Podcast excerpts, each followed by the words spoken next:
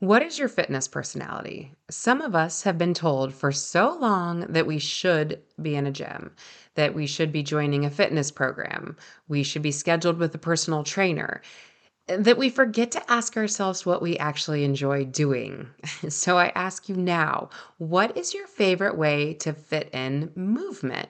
Why is this important to answer? Because if you don't know, or you don't have an answer that you can quickly come up with, you might be missing a huge piece of your puzzle, a huge puzzle piece to what fitness success could actually look like in your current life. So, this is something we have to nail down. No questions asked. We have to build in a like or a love of movement for you to gracefully age into seasons of life. Would you like some examples and tips today on how to get moving and not just moving, but moving joyfully? All right, stay tuned. Thank you so much for joining me. I am your host, Lindsey House, registered dietitian, private trainer, accountability coach, author. I have been working with clients for over 13 years, passionately changing the culture of health and fitness. I'm out here smashing scales, helping individuals rewrite the rules to what success looks like in their life. I want to change generational thinking. No more all or nothing mentality. Get rid of the diets and believe in the individualized journey.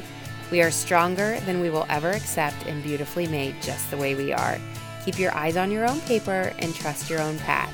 Thank you for trusting me and letting me be a constant encouragement through your week. Let's get this motivation started. Welcome to your podcast, Direction, Not Perfection. Happy Podcast Friday. If you can hear it in my voice, I'm having a little bit of an off day, not feeling 100%. However, this makes me no less excited to bring you some motivation around fitness. So please settle in and let's take a deep dive into exploring our fitness personalities. I had the absolute privilege of vacationing to Geneva, Switzerland, and Lisbon, Portugal last week, and I couldn't help but observe and gather workout option after workout option. We're talking yoga in the park or swimming in parts of Lake Geneva in freezing cold water. And by the way, no thank you. I don't think that's my fitness personality. Um, witnessed running or walking the paths by Lake Geneva. The hotel fitness centers were amazing group outdoor movement classes that entailed using the walking poles, which was really cool. I've never seen that climbing hill after hill in Lisbon. And honestly, the options were just endless. It was constant movement, even airport walking. There was at least three miles done by the end of the travel day. So everywhere you looked, someone was enjoying some version of their own movement. And I've done podcast episodes on fitness personalities in the past, but I can't help but approach this topic once again today it, it's just fresh on my mind and I feel like it's such a necessity. It's so important.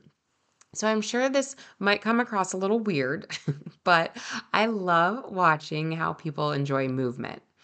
Not because they are always trying to burn calories, which, yes, by the way, we can do both. We can be having fun and burning calories at the t- same time but because movement provides opportunity for opportunity for social hangout Movement nurtures the body so that someone can move at 90, watching some 90 year olds literally holding hands and walking down the lake.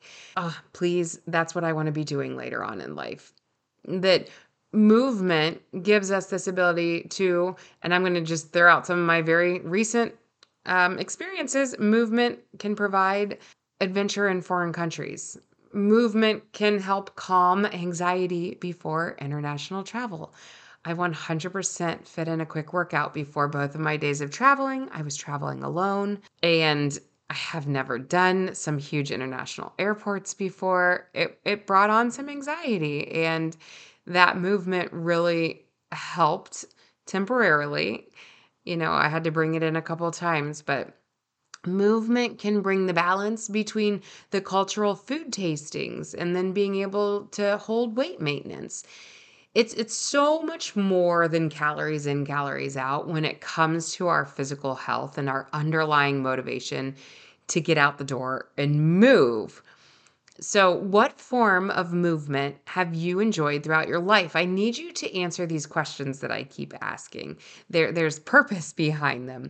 So, not only what type of movement have you enjoyed in your life before, but are you still doing it? Is a huge question. Like, if you loved biking as a kid, are you still biking as an adult? If you liked walking with friends, when you were a kid or as a teenager or in college, do you still schedule a weekly walk with a friend? If you loved rocking it out at the gym, let's say in college or even pre family before kids, do you still have a gym membership?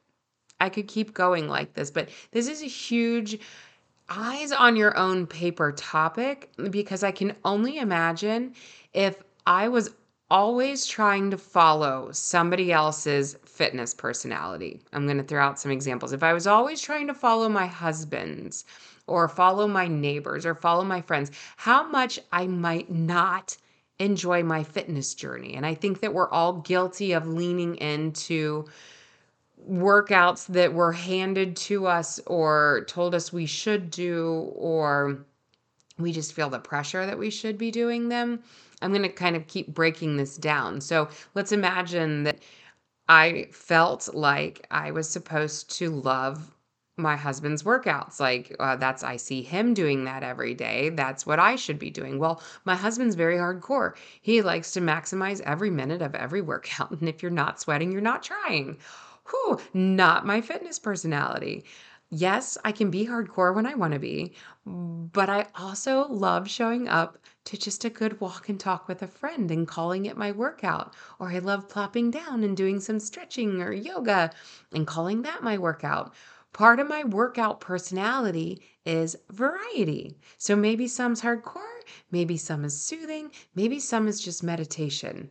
But in my mind, everything that I'm saying out loud, it, it counts. All right, another example. I have a neighbor who's been told that she shouldn't run anymore to save her knees because she's starting to have some arthritis build up and has a torn meniscus, just some stuff happening where it's all of a sudden like she needs to see some fitness routines changing. Well, she's falling in love with some 5 a.m. different Pilates like classes. If I felt like I had to show up to these classes or it wasn't workout, so if I followed her current workout routine, it might not look like my fitness personality. I work from home. Some of my work hours can be more flexible. So sometimes I like a good 5 a.m. workout, yes, but other times I like to just wear my workout clothes and see where the day takes me. Part of my workout personality is actually flexibility. I like to be flexible of when I can fit in my workouts. That's not everybody. And that's why this is so important that it's an eyes on your own paper. For some other people, they're like, it's 5 a.m. or bust, or it won't happen, or it's 7 p.m. or bust because I'm not going to fit it in before that time in my day. Another example I have a friend who has signed up for six marathons in six months. And she's not only signed up to completely complete them, but she's also trying to complete them in certain specific times meaning her training is intense and it's often. So she functions off of a training calendar weekly and shows up to what it says. And I've had seasons of my life where I've done something similar that I've trained for marathons, completed marathons. But this season of my life, this type of workout is not my fitness personality. Part of my current workout personality for again, this season of my life is fitting in movement in certain pockets of time. You've probably heard of me talking about that on different podcast episodes in between Zoom calls when time allows, or soccer practice walks, or early meets with friends to take runs or walks. Pockets of time at this season of my life is a current fitness personality. So I really, I personally have to keep my eyes on my own paper because it just it all depends on what life looks like in that moment of life and this is just an example of things that have happened currently. I have a soccer tournament this weekend. Okay. So, going to need to make a hotel workout happen in a pocket of time. I was out of the country last week, and that actually opened up a zillion pockets of time. There was time for yoga and walks and runs and lifting because I had time. And now I'm back with kids and back with sports and and back to real life and honestly I'm not feeling the best like I've already said so now it's back to what can fit. And this week yesterday it fit to go have a walk and talk with my mom. And for that day it was plenty. And and today i don't think i'm going to do anything. I think i'm going to do a podcast and call it a success. So eyes on my own paper right? So i ask you again what is your fitness personality? You have to find it and do that I would also love to hear from you if you've had a fun journey or story around how you've ended up with your current workouts or your current understanding of your fitness personality. Please reach out and tell me. I'd love to hear about it. If you would love help thinking through something like this, like fitness personalities, don't forget that I do offer those free one to one calls to help you think through your health needs on how to get started or those next actionable steps. So, that is an option, and there's a booking link in the show notes. We are also going to start talking about um, within my groups, within my membership, within my Facebook group, the holiday season and some of the tips and tricks that are going to be needed as we start to see possibly Halloween candy become a real thing, or family visiting, or time off, social events, all of that that are about to be upon us. So just know that those topics are coming at you. I'm going to have a masterclass coming up. If you're not part of my private uh, Facebook community. It's called Direction, Not Perfection Real Weight Loss for Women After 40. I have a, sh- um, a link in the show notes for you to come join me over there as well, just to be part of these conversations. So, this was very short and sweet today, but your takeaway is go find your fitness personality and also go have a fabulous Friday and cheers to so much health and happiness. Don't leave yet. I have a free meal planning gift for my listeners in the show notes. Just click the link and you'll get meal planning handouts and a video of me walking you through how to assess your current meal choices, as well as building a future healthy meal plan. This would be something I would do if we were sitting across the desk in a consult together. It is meant to be a jump start for immediate as well as long term meal planning success, and I will continue to offer more helpful guides and ideas as we go. Thank you again so much for joining me today. If this topic served any purpose for you, or you can picture that exact person who needed this, I'm always honored when you share the podcast. We are making 2023 the year that we are going to pour motivation and inspiration onto others. I also always appreciate it when you leave a review on iTunes and rate the podcast.